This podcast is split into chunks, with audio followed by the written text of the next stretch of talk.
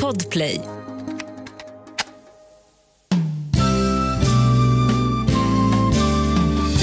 Hej och välkomna till Sveriges sämsta folkbildare. En podd för dig som vill lära dig lite grann. Med inga mindre än Clara Henry och Gustav Jernberg. Nu kör vi igång!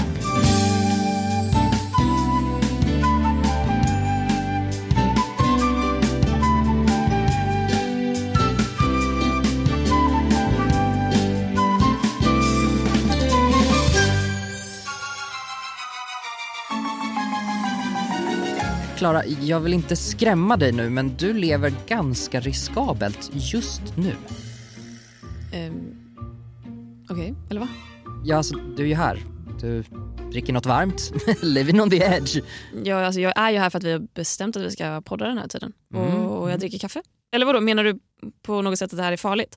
För du beter dig ganska liksom, oklart just nu. Nästan som att du försöker liksom, bevisa en poäng. Eller göra en väldigt ledande podd på. Jag förstår inte hur du kan tro något sånt om mig.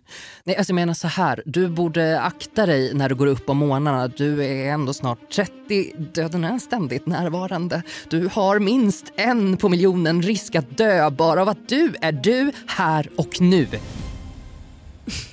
Okej, vänta. Du har snöat in på micromort nu igen, erkänn. Micromort? Du menar riskenheten som definieras som en på miljonen risk att dö och används för att mäta risken i olika vardagliga aktiviteter? Ja, det kan du hoppa upp och sätta din gulliga lilla stjärt på. Kan du allt om Micromort? Jo, men jag kan ganska mycket Men säg faktiskt. bara nej.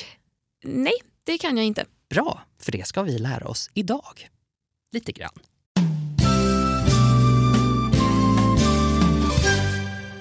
Gustav, vad är micromort? Ah, micromort, det är alltså ett ord som består av micro och mort som på svenska betyder mikro och dödlighet.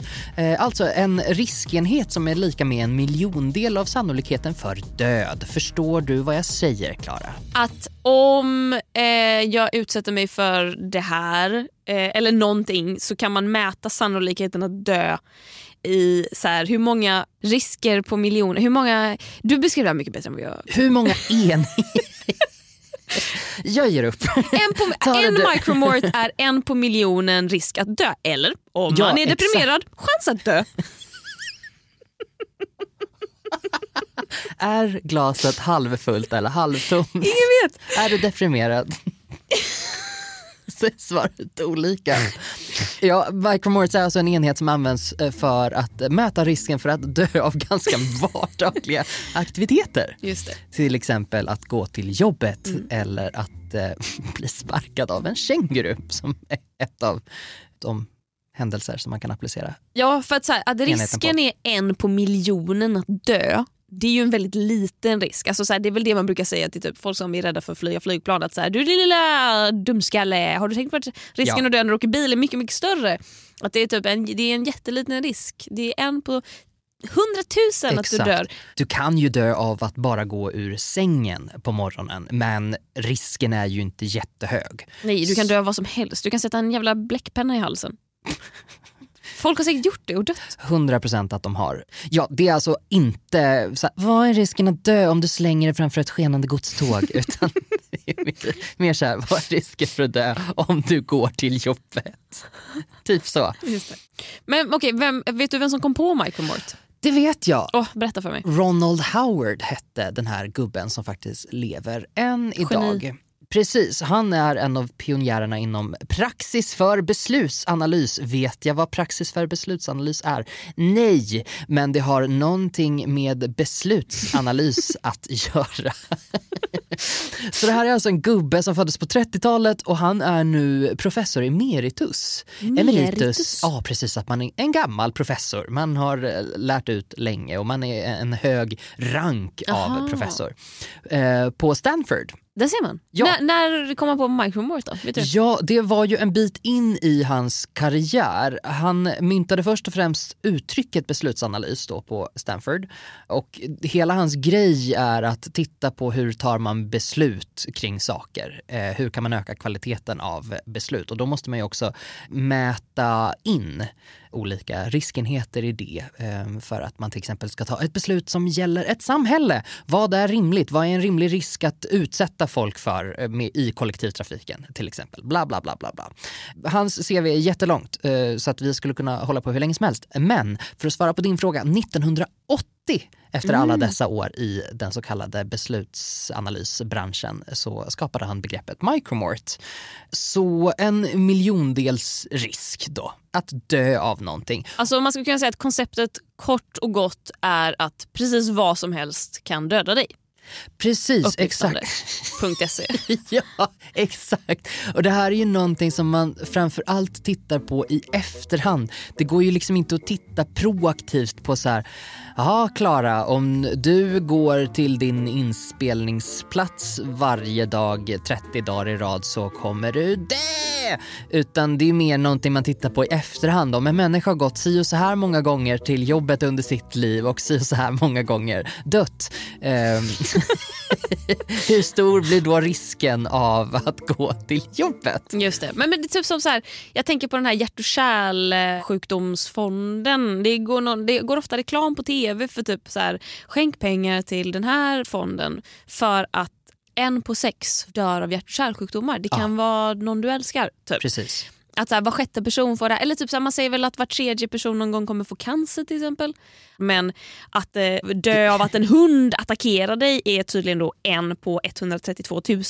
Ja, och det, det, jag tänker lite grann, det är lite grann som det här med att så här, var tionde person i en klass är gay. Att det, är så här, det är ju inte att du kan räkna till tio i en klass och bara “du är bög!” eh, Nej, men det är ju samma är som mer- att man säger så här, var, var femte person på planeten är kines. Vi är fem i min familj, vem det är, vem är det av oss? Vem kan det vara? Jag tror det är min pappa. Alltså, Okej, men, men om vi jämför då två vardagliga aktiviteter. Ja. Eh, vad tror du är farligast av att eh, föda och att eh, dyka? Alltså, att, föd, att ge liv och att eh, oj, dyka. att ge liv, vilket vackert Jag kommer uttryck. aldrig Ja. mer säga ordet föda. Det, från och med nu heter det ge liv. Att skapa ett liv, att eh, fullända sin potential som kvinna. Eh, eller att dyka, alltså om du är en eh, tränad, utbildad dykare. Vad tror du är farligast? Jag tror det är farligast att föda. Du tror det alltså? Absolut. Så många människor dör för att de ger liv. Ja, exakt. Eh, det, det stämmer faktiskt. Det är Ah. inte jättemånga enheter farligare men Va? det är nej, eh, att dyka då som utbildad dykare eh, då är det en risk på 164 micromorts och eh, att föda både med, här har jag hittat lite olika, lite olika info men jag tänker välja infon från källan som jag har framför mig nu och den källan säger att eh, det är lika farligt att föda vaginalt som det är att föda med eh, Genom munnen. att ge liv genom munnen. Förlåt, varför säger jag så, så jävla tramsigt? Avsluta din mening Gustav, jag ber om ursäkt. Eh, som att föda genom... ehm, Kejsarsnitt. Precis, exakt. Ah. Sprätt upp magen höll jag på att säga men eh, kejsarsnitt är ju faktiskt eh, den korrekta benämningen. Jag tror inte att det stämmer riktigt. Jag tror att det är farligare att föda med kejsarsnitt va? Jag, jag, vet, jag vet inte, jag tänker att det kanske inte nödvändigtvis behöver vara det. Jag tänker att så här, Nu har jag vä- väldigt ljugit. många... Nu har jag ljugit. Ja. Jag har ljugit. Jag ljög! Det är farligare att föda med kejsarsnitt. Är det det? Japp. För jag kan tänka mig, men det, äh, undrar om det här är någon form av sammanställning globalt eller om vi snackar typ USA.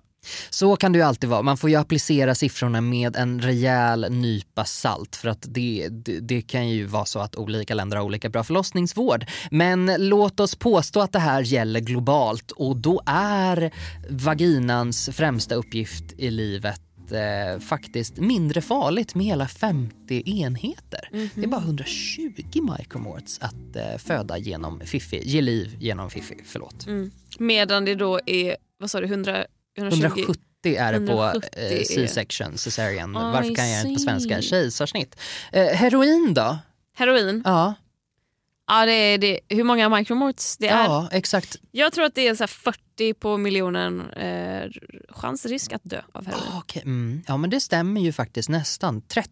Va? Ja. Jag var så jävla Du nära. var otroligt nära. Har du tagit mycket heroin? Nej, Nej. Har du fött många barn? nej. Nej. Men eh, det var en kvalificerad gissning ändå. En okvalificerad gissning. Ja, verkligen. Ja. Nej, nu behöver jag en paus. Rulla reklamen. Ett poddtips från Podplay. I fallen jag aldrig glömmer djupdyker Hasse Aro i arbetet bakom några av Sveriges mest uppseendeväckande brottsutredningar. Går vi in med hemlig telefonavlyssning och, och då upplever vi att vi får en total förändring av hans beteende. Vad är det som händer nu? Vem är det som läcker? Och så säger han att jag är kriminell, jag har varit kriminell i hela mitt liv men att mörda ett barn, där går min gräns. Nya säsongen av Fallen jag aldrig glömmer på Podplay.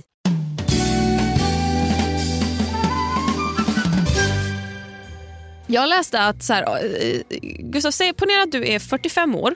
Du, Hur vågar du? du, du vaknar en morgon och du kanske vaknar upp i Sälen och då därför ger du dig ut och åker skidor. Hur många micromorts tror du att du har samlat på dig bara genom att vara 45, vakna och sticka ut och åka skidor? Hade den här statistiken bara gällt mig så hade det varit jättedödligt för att jag kan ju inte åka ut för. Eh, jag har ju nästan haft ihjäl en treåring i slalombacken. Undrar om det finns en micromort-mått för att vara tre år i en skidbacke Med mig i närheten. med Gustav Jernberg Specifik, i nacken. specifik grej. Se upp i Ehm. backen annars får du hjärnan i nacken. Det är ju inte så många kan jag ju tala om. Nej okej, vi snackar under tio va? Ja. ja. Jag tror att det är sex stycken. Ja det är nästan rätt, det är sju. Jaha. För det är sex stycken som bara handlar om att du är 45 och stiger upp ur sängen. Usch. Ja. Och sen är det en micromort. Det är en risk på miljonen att dö av att åka skidor. Utför. Go skiing, står det. När man är 75 så är det 105 micromort som gäller. Du ser, bara på det är ganska 30 farligt att år förfall... Man förfaller som människa, man är långt förbi sin eh, prime. Mm. Det är farligare att gå ur sängen som 75, som 45, nej inte som 45, som 75 än att ta heroin. Mm. Det är 18 micromorts att bli stucken av en geting. Alltså du kanske är allergisk och coola coolar vippen. Och, men då tänker jag så här, det finns så himla många som är så rädda för getingar. Nästan, jag skulle vilja säga att hälften av alla jag känner får panik när det kommer en geting till vårt lilla midsommarbord en ljummen sommareftermiddag. Eh, och det sjuka är då, eller det är ju kanske inte så sjukt, men lite sjukt, att det är precis lika många micromorts av att bränna sig på varma ytor. Alltså att dö av, hur, hur det nu går till. Bränna sig på varma ytor, då snackar vi alltså en spisplatta. Hur man nu dör av att lägga handen där. Man Ja. kanske sätter sig på ett bastuaggregat, jag vet inte. Men alltså så att folk borde ju ha mer fobier för varma ytor än vad de har i nuläget. Om folk nu är så jävla rädda för getingar. Är det inte väldigt osexigt att vara rädd för getingar? ändå? Jo, otroligt. Skärp dig, väx upp. Det är ett, ett, ett, en liten insekt med en taggig taggig rumpa. Det är ju mindre farligt än amerikansk fotboll till exempel. Är där micromortsen ökar med två enheter. En jävligt mycket, ett, ett sexigare sätt att dö skulle jag säga än att bli stucken av en geting med 20 micromorts. Ja, det är faktiskt sexigare att dö medan man spelar amerikansk fotboll. Men du som springer så jävla mycket då. Ge mig en gissning på hur många micromorts det är för att springa ett maraton Klara. Oj, men gud, det känns som att folk dör på Göteborgsvarvet varje år. Eller i alla fall svimmar. Men det är ganska stor skillnad på att dö och svimma. som tur är. Jag drar till med... Vänta lite nu, nu måste vi ha en referens. Du är 45, du går upp ur sängen. 6 micromorts. Jag tror att det är, det är farligare att springa ett maraton. Jag tror 10. Det stämmer inte, det är sju. 7? Oh! Ja, det är sju. Det är lika farligt som att vara 45 och vakna på morgonen. Ja, exakt. Eh, men om du då springer ett ultramaraton, blir det den dubbla micromorten? Det lär det ju vara. Ja. Så du kommer, kommer alltså dö, när som helst? När som helst, anytime now. Men har du hört talas om microlife då? Nej, jag har faktiskt inte orkat läsa igenom min research om det.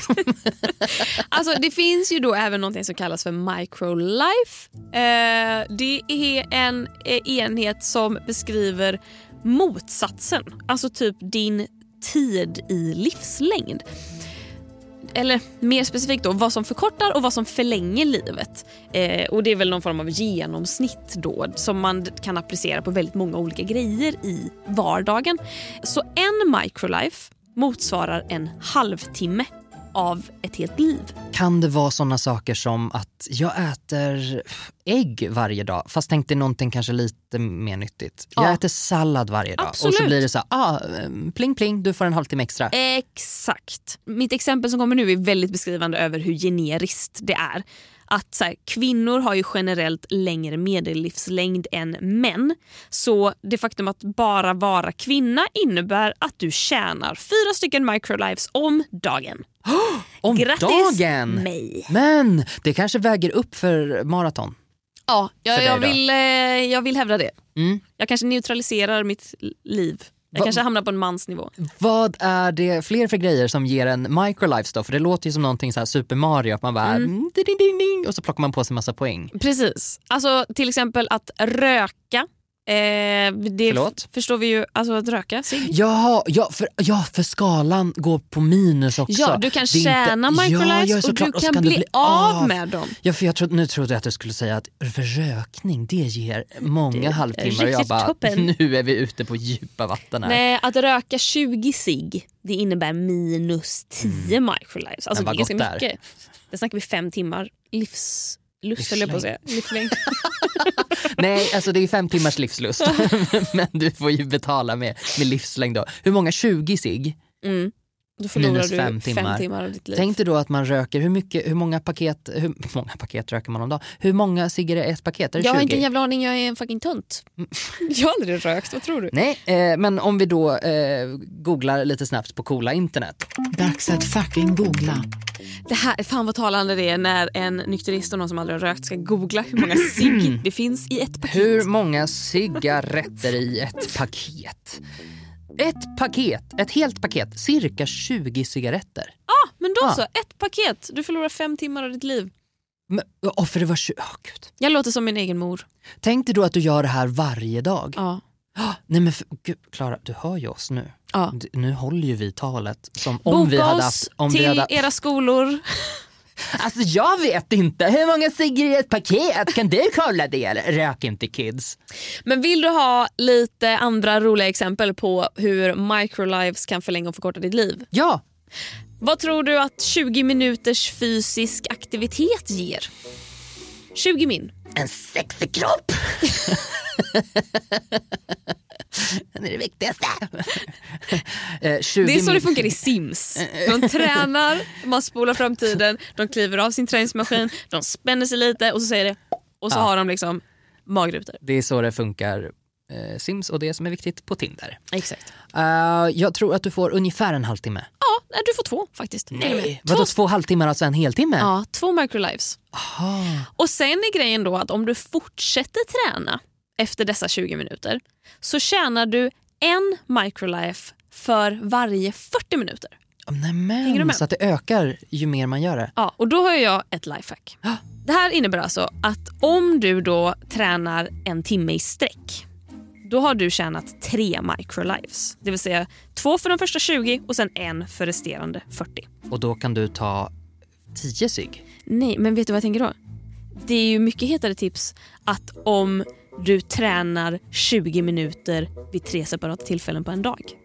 Så 20, vila lite, 20, vila lite, 20. För då får du fucking sex microlives. Istället för bara tre. Ja, precis. Du får tre goa timmar istället för en och en halv. Det här är så effektivt. Effektivt sätt att förlänga sitt liv. Jättebra. Ett gott skratt förlänger livet. Jag tror inte det. Att hetsträna tre gånger om dagen i 20 minuter, jag tror det. Ett gott skratt förlänger käften. Nu, reklam. Ett poddtips från Podplay.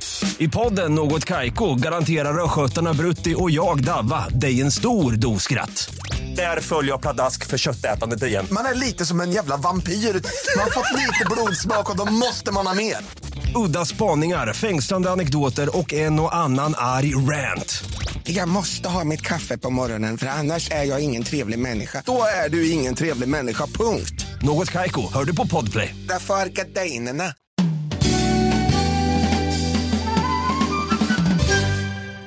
Okej, så är vi så här. Tror du att två till tre koppar kaffe ger microlives eller tar bort microlives? Jag tror att det ger microlives. Mm. Jag tror faktiskt att koffein är bra för oss i en viss utsträckning. Ja, du har helt rätt. Det två stämmer, till va? tre koppar kaffe ger en halvtimme. Mer liv. Oh, oj Inte vad många minst halvtimmar jag känns det får. så. Eh, vad tror du om korv då? Att äta korv varje dag. Det ger minus en microlife. Men frågan är, jag vet inte exakt Men då om menar det... vi riktig korv, menar inte penis. Ja, nej absolut. Nej, Va, nej, vad är det för microlives av att äta penis då? Har du kollat inte. det Klara? Det vet jag faktiskt inte. Nej. Jag har inte kollat upp penis. Men jag menar när jag säger korv så menar jag korv. Men det är också det är lustigt att det står också att äta korv varje dag. Alltså är det att om jag äter korv varje dag i hela mitt liv så förlorar jag en halvtimme. Eller förlorar jag en halvtimme per dag. För att förlorar jag en halvtimme per dag då är det ju inte värt det. Förlorar jag en halvtimme på hela mitt liv av att äta korv, en korv om dagen varje dag i hela mitt liv, då tycker jag ändå det är värt det. Då kommer jag fortsätta äta korv. Ganska värt. Det finns ju andra saker som man helst inte ska äta så, så mycket av. Det är ju faktiskt lika farligt att äta 1000 bananer som det är att spendera en timme i en kolgruva. Vad gör du helst? Pest eller kolera? En timme i en kolgruva eller äta tusen bananer? Jag älskar ju bananer alltså. Men tusen Gustav. Ja, tusen är att ta i. Eh, Peter Andre, eh, sångaren med citationstecken, eh, som var tillsammans med skandalmodellen Jordan Price. Vet du vem det är? Jordan, den brittiska modellen. Nej. Nej, tänk dig 90-talets it couple fast the trashy kind. Alltså de var liksom Porsche Becks fast de var liksom the reality version Okej, of it. ja. Eh, han fick faktiskt eh, kaliumförgiftning av att han åt för många bananer. Han Va? är otroligt vältränad. Han var väl- utsattes för det här utsatt, ja exakt, så att han, han fick faktiskt akut förgiftning och eh, mådde jättedåligt av det. Blev väldigt sjuk av det. Eh, mycket vältränad man så att eh, tacka fan för att han gjorde den där 20 minuter gånger tre om dagen så att han klarade av den. Alltså jag hade ju valt kolgruvan faktiskt, en timme. Det, man hade haft ganska trevligt tänker jag. Ja, alltså ja, har man lite sällskap så jag tänker om du och jag går dit så kan vi nog säkert prata bort eh, en timme Ja. tror jag. Eh, det är lika hög risk att dö av det här som att äta eh, 40 matskedar jordnötssmör. 40, men det låter ju inte som någonting. Nej, Alla tycker- som försöker bulka för gymmet är ju i Exakt. riskzon. Förstår du då hur, alltså så här 40 matskedar, det äter ju jag på en halvtimme.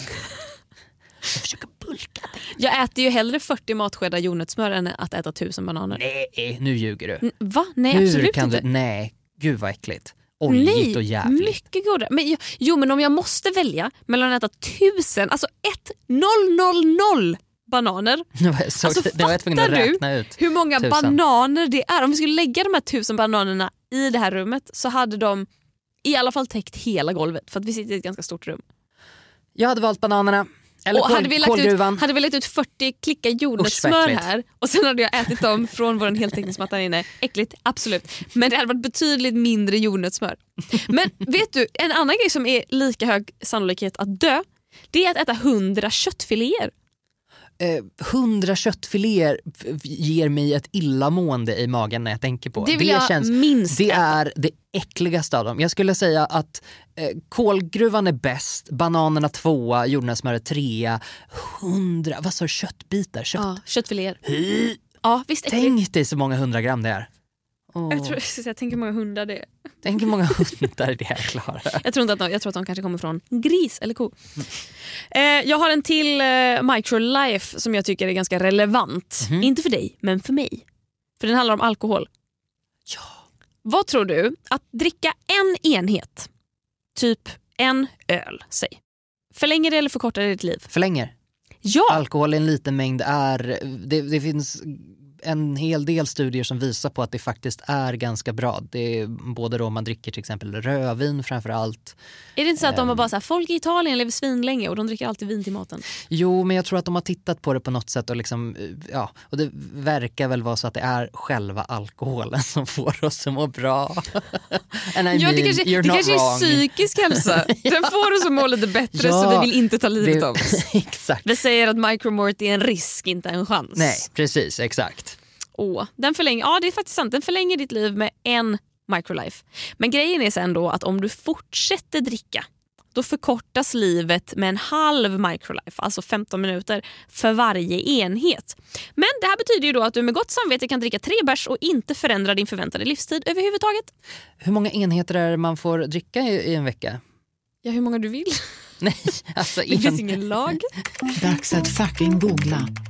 Färre än 10 standardglas per vecka och inte mer än tre standardglas vid samma tillfälle. är standardglas enheter. Vad snackar du om nu? Jag läser hur många enheter alkohol man kan dricka. Men vadå kan, vadå kan dricka? Det här blir väldigt teoretiskt för mig eftersom jag inte har är druckit på åtta år. för att dricka en enhet om dagen men inte mer än tio enheter i veckan för då går batteriet sönder. Vad menar du? Jag fattar ingenting. Det finns ju rekommenderad dos av Är det här enligt IQ? Ja, precis. Alltså alkoholinitiativ Exakt, precis. grejen. Och första resultatet jag får, hur många enheter alkohol kan man dricka? Men kan Den tar vi. de bara testa inte hemma? Men jättemånga. Varför, nu klickade jag på den här länken. Då får jag inget svar på det jag vill veta. Då har de bara lockat in mig på den här hemsidan för att jag ska Men avslöja är att jag är det alkoholist. kan som i att så här, innan jag kräks, innan jag förlorar medvetandet eller innan jag dör? Eh, nej, men det finns ju riskbruk framförallt. Det är det man Just brukar titta på. Att, eh, hur många enheter... Kan jag dricka innan jag blir dömd? Av samhället. Okej, nu har jag hittat svaret på vad ett standardglas är. Det är alltså 50 centiliter folköl, ett litet glas vin eller 4 centiliter sprit. Mm. Sprit. Spriten ja. Och Den mår man ju bra av. Men är inte det, vadå? Borde alltså, inte det här vara lättare att ta reda på? Mår man bra av? Mår man, en, En shot mår man väl bra av? Ja, men, men är en shot, alltså går en shot att likställa med ett litet glas vin? Alltså om jag går till baren och beställer en shot då kan jag känna mig snurrig när jag går därifrån. Och sen Men det är ju också för att du i. dricker mycket, mycket snabbare. Ja, och det är ju inte ja, utspätt. Såklart, det, det förstår jag. Men jag upplever ju att så här, går jag till en bar och dricker en öl på under loppet av en säg halvtimme. Hur, dricker man en öl på en halvtimme? Gud, jag, fick, jag har ingen aning. Vi säger en halvtimme, jag har ingen aning Ska om jag googla? Nej, skit i det. skit i det. Eh, om jag dricker en öl på en halvtimme eller om jag tar en shot och väntar en halvtimme då är jag ju mycket fullare av shotten än av ölen. Ja, det är sant alltså. Eller visst, eller Ja, är det jag, den jag, enda som jag känner så tror det, men jag, har inte det också att göra med när man brukar shotta? Alltså så här, när har du inlett en kväll med att shotta? Jo men vet du, jag har det alltså, ganska så här missbrukiga eh, beteendet att ibland om jag säger, det här har hänt de gånger jag kanske har jobbat kväll och jag ska typ möta upp folk som redan är ute. Och att jag kanske, jag kanske är trött och kanske inte superpepp och jag vet att de kommer redan ha hunnit dricka typ så tre öl. Då kanske jag hivar i mig en liten så här, whoop, för att liksom vara i fas på något Ja. sätt. Att komma dit och kunna känna att jag har, har energi och kan prata. Liksom. Och att då kan man känna sig ganska full. Typ. Ja, eh, jag eh, låter det vara osagt vad som är bäst, men eh, lite alkohol mår man bra av. Ni kan citera mig. Men någonting som relaterar till mig är ju faktiskt att eh, simma. Tycker Ja. jag faktiskt om att göra. Och om man går ut och simmar då så har man eh, micromort risk då 12. För att man ska drunkna. Men gud, det är ju sorgligt? jättemycket. Ja, det är jättemycket. Tänk så lättare att drunkna. Det är så lätt. Nej, alltså inte så. Jag vill inte skrämma folk där ute i stugorna. Men eh, ja, du är för fan i, i vatten. Så att du kan drunkna. Ja det förstår jag. Att du där är. kan man kan ju inte sluta simma. Simning är ju en sport jag inte gillar för att du kan inte när som helst vila. Måste, för då kan du dö. Ja, exakt. Du sjunker ju. Ja. Och det är precis därför jag gillar den, för att jag behöver ju eh, Känna att du lever. För, exakt. Jag måste vara rädd för att dö för att våga leva.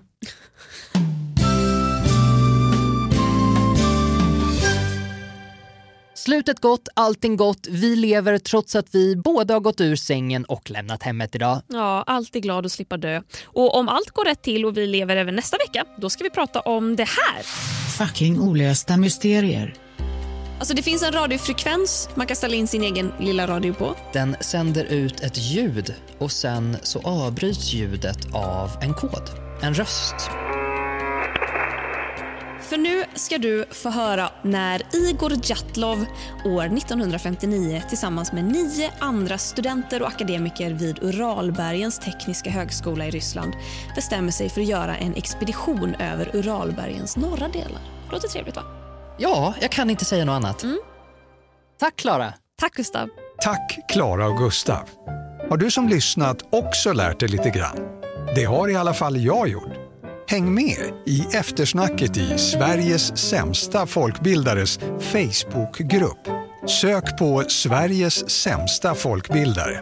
Du kan också stötta podden på patreon.com och få bonusavsnitt och annat skojsigt. Och om du vill lyssna på Sveriges sämsta folkbildare en dag innan alla andra, ja då laddar du ner Podplay-appen. Det är enkelt som fan. Producent och klippare David Dava Persson. Hej då och tack för att du har lyssnat. Podplay, en del av Power Media. Ett poddtips från Podplay. I fallen jag aldrig glömmer djupdyker Hasse Aro i arbetet bakom några av Sveriges mest uppseendeväckande brottsutredningar går vi in med hemlig telefonavlyssning och, och då upplever vi att vi får en total förändring av hans beteende. Vad är det som händer nu? Vem är det som läcker? Och så säger han att jag är kriminell, jag har varit kriminell i hela mitt liv men att mörda ett barn, där går min gräns. Nya säsongen av Fallen jag aldrig glömmer på Podplay.